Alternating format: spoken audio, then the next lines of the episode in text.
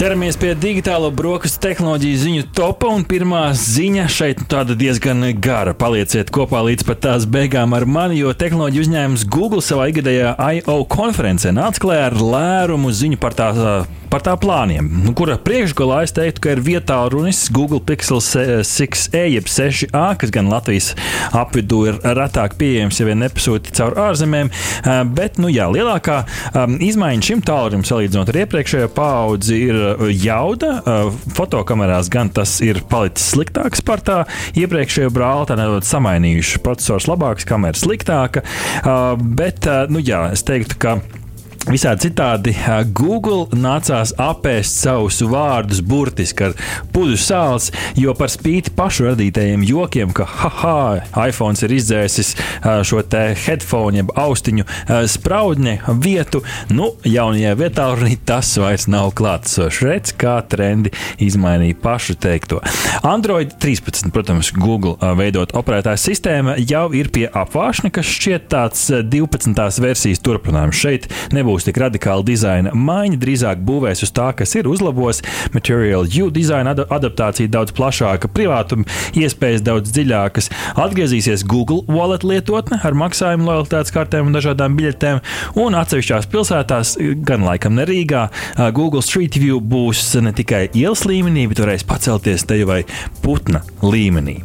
Nu, ja mēs pārslēdzamies atpakaļ uz ierīču segmentu, tad uh, Pixel 6, uh, Google Pixel Buds Pro aus austiņas ar labāku bateriju un tā tālāk.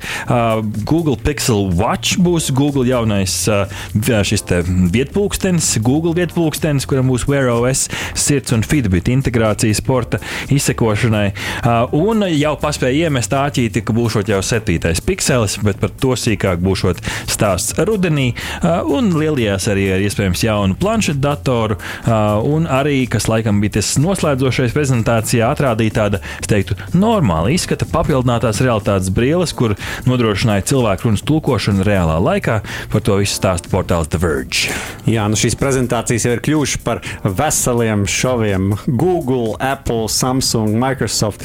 Katrs cenšas pārspēt viens otru ar pārsteidzošiem prezentāciju pasākumiem. Nu, arī šis nebija izņēmums. Uh, jā, virtuālās realitātes brilles uh, mm, laikam bija tāds pārsteidzošākais mm -hmm. paziņojums. Protams, mums neparādīja, kā tieši tas uh, izskatās un kā tieši tas strādā, bet nu, brilles, uz kuru ekrāna parādās tulkojums reālajā laikā, nu, tas ir kaut kas diezgan revolucionārs, uh, kas cerams nepaliks koncepta plauktiņā. Ziņa numur divi.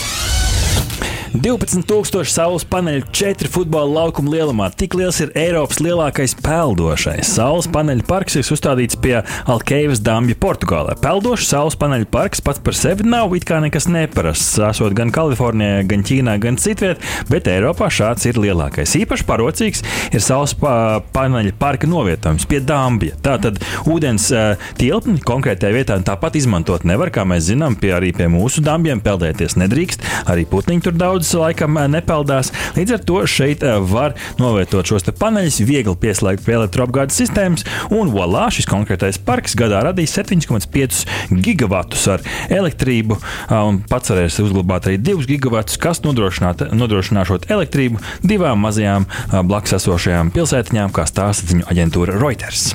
Jā, nu, starp citu, Latvijā pēc CSP datiem 2020. gadā viena maisaimniecība patērēja gadā ap 2100 kWh stundām. Tātad šāds parks varētu apgādāt ap 3,5 tūkstošiem Latvijas mm. mājsaimniecību.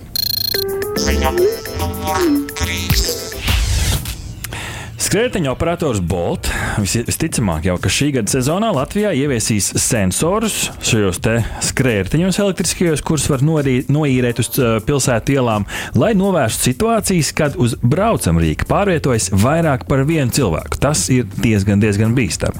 Speciāls sensors ar lietotnes palīdzību ziņos lietotājiem par aizdomām, ka uz skrējējiņa atrodas vairāki cilvēki. Saņemot atkārtotus aizrādījumus, klientam var tikt liekti turpmāki braucieni ar Bolt skrējēju skrējēji. Nu, būsim godīgi. Es esmu redzējis pat trīs jauniešus, kuri vizinās uz vienu skrējēju. Nu, klau, draugi, tas nav īsti, īsti prātīgi. Uh, digitālās brokastis vaicāja Bolt par šo sensoru darbību. Mums, protams, interesē tā tehnoloģiskā puse un arī par svaru ierobežojumu. Uz ko reģionālais, uh, reģionālais skrējēju pakalpojumu vadītājs Emantas Balta skaidroja mums tā, citēju: Braukšana ar elektrisko skrējēju, kad uz tā atrodas vairāk nekā viens cilvēks, ir ārkārtīgi bīstama, un tas ir pret skrējēju nomas lietošanas noteikumiem. Bolt ir pirmais mobilitātes operators, kas ir izveidojis tehnoloģiju, kur ar sensoru palīdzību nosaka braucēju skaitu uz skrējēju.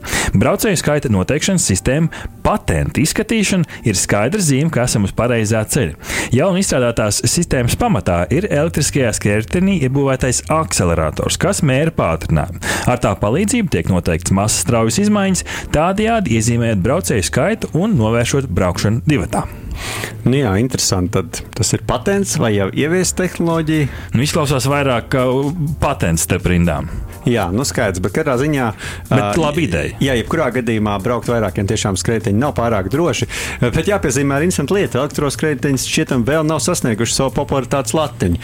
Jo arī šajā pavasarī esam redzējuši Rīgā ienākam gan jaunu zīmolus, piemēram, tūlu, gan arī tas pats Bolt turpina palielināt investīcijas mikromobilitātē. Tā kā nu, šī lieta kļūst arvien populārāka. Un tā jākļūst arī līdzvērtīgi drošai. Tieši tā.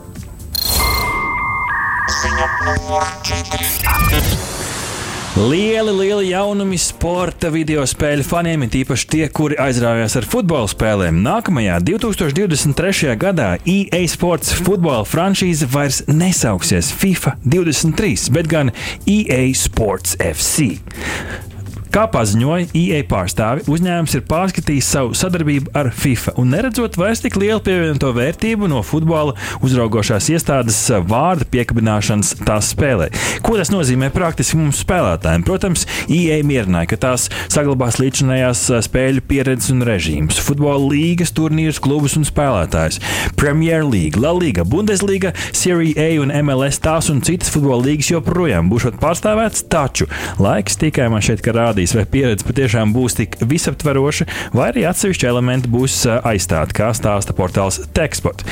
Pat, pati FIFA gan joprojām tic tās vārdam un aizstāv savu zīmolu, neatklājot gan detaļas, viņa uzsvēra, ka tā joprojām lūko FIFA vārdu asociēt ar futbola video spēlēm. Ko tas varētu nozīmēt priekš FIFA 23, 24, 25? Varbūt kāds cits spēļu izstrādātājs ķersies pie šī vārda popularitātes. Jā, ļoti interesanti. Uh, tu pieminēji, ko tu varbūt saproti ar tiem atsevišķiem tiem elementiem, kas varētu tikt aizstāti. Nu, mēs jau arī esošajās FIFA spēlēs esam redzējuši, ka piemēram konkrēts klubs no konkrētas līgas nesaucās tā īstajā vārdā, bet nu, tur pietuvināts ezera nosaukums FC vai arī nu, konkrēts logotips, ko nevarēja dabūt, ir nu, pārzīmēts līdzībās un tā tālāk. Nu, ir jau ok, spēlētāji jau tur bija īstie, bet nu, īsti negribās spēlēt ar kaut kādu nu, nezinu, atdarinājumu, ja tomēr tas ir īstais zīmols, pa ko es fanoju. Jā, un tiem, kas varbūt nav tik vēl futbola fani jāpaskaidro, ka FIFA, jeb Federacion International de Football Association, ir bezpēļņas organizācija, kas sevi raksturo kā vispasaules futbola, futzāla un pludmales uh, futbola uzraugošo institūciju. Dibināta tālāk 904. gadā. Tās biedru lokā ir 211 Nacionālās futbola asociācijas, tā skaitā arī Latvijas Futbola Federācija. Ziņa 5. Un pēdējā ziņa digitālajās brokastīs divas Argentīnas lielākās bankas, Banko Garcia un Brubank, turpmāk piedāvās arī kriptovalūtu pakalpojumus. Lēmums pirms šiem pamatots, jo argentīnieši ir sastajā vietā pasaulē pēc kriptovalūtu izmantošanas ikdienā, skatoties uz statista apkopotajiem datiem.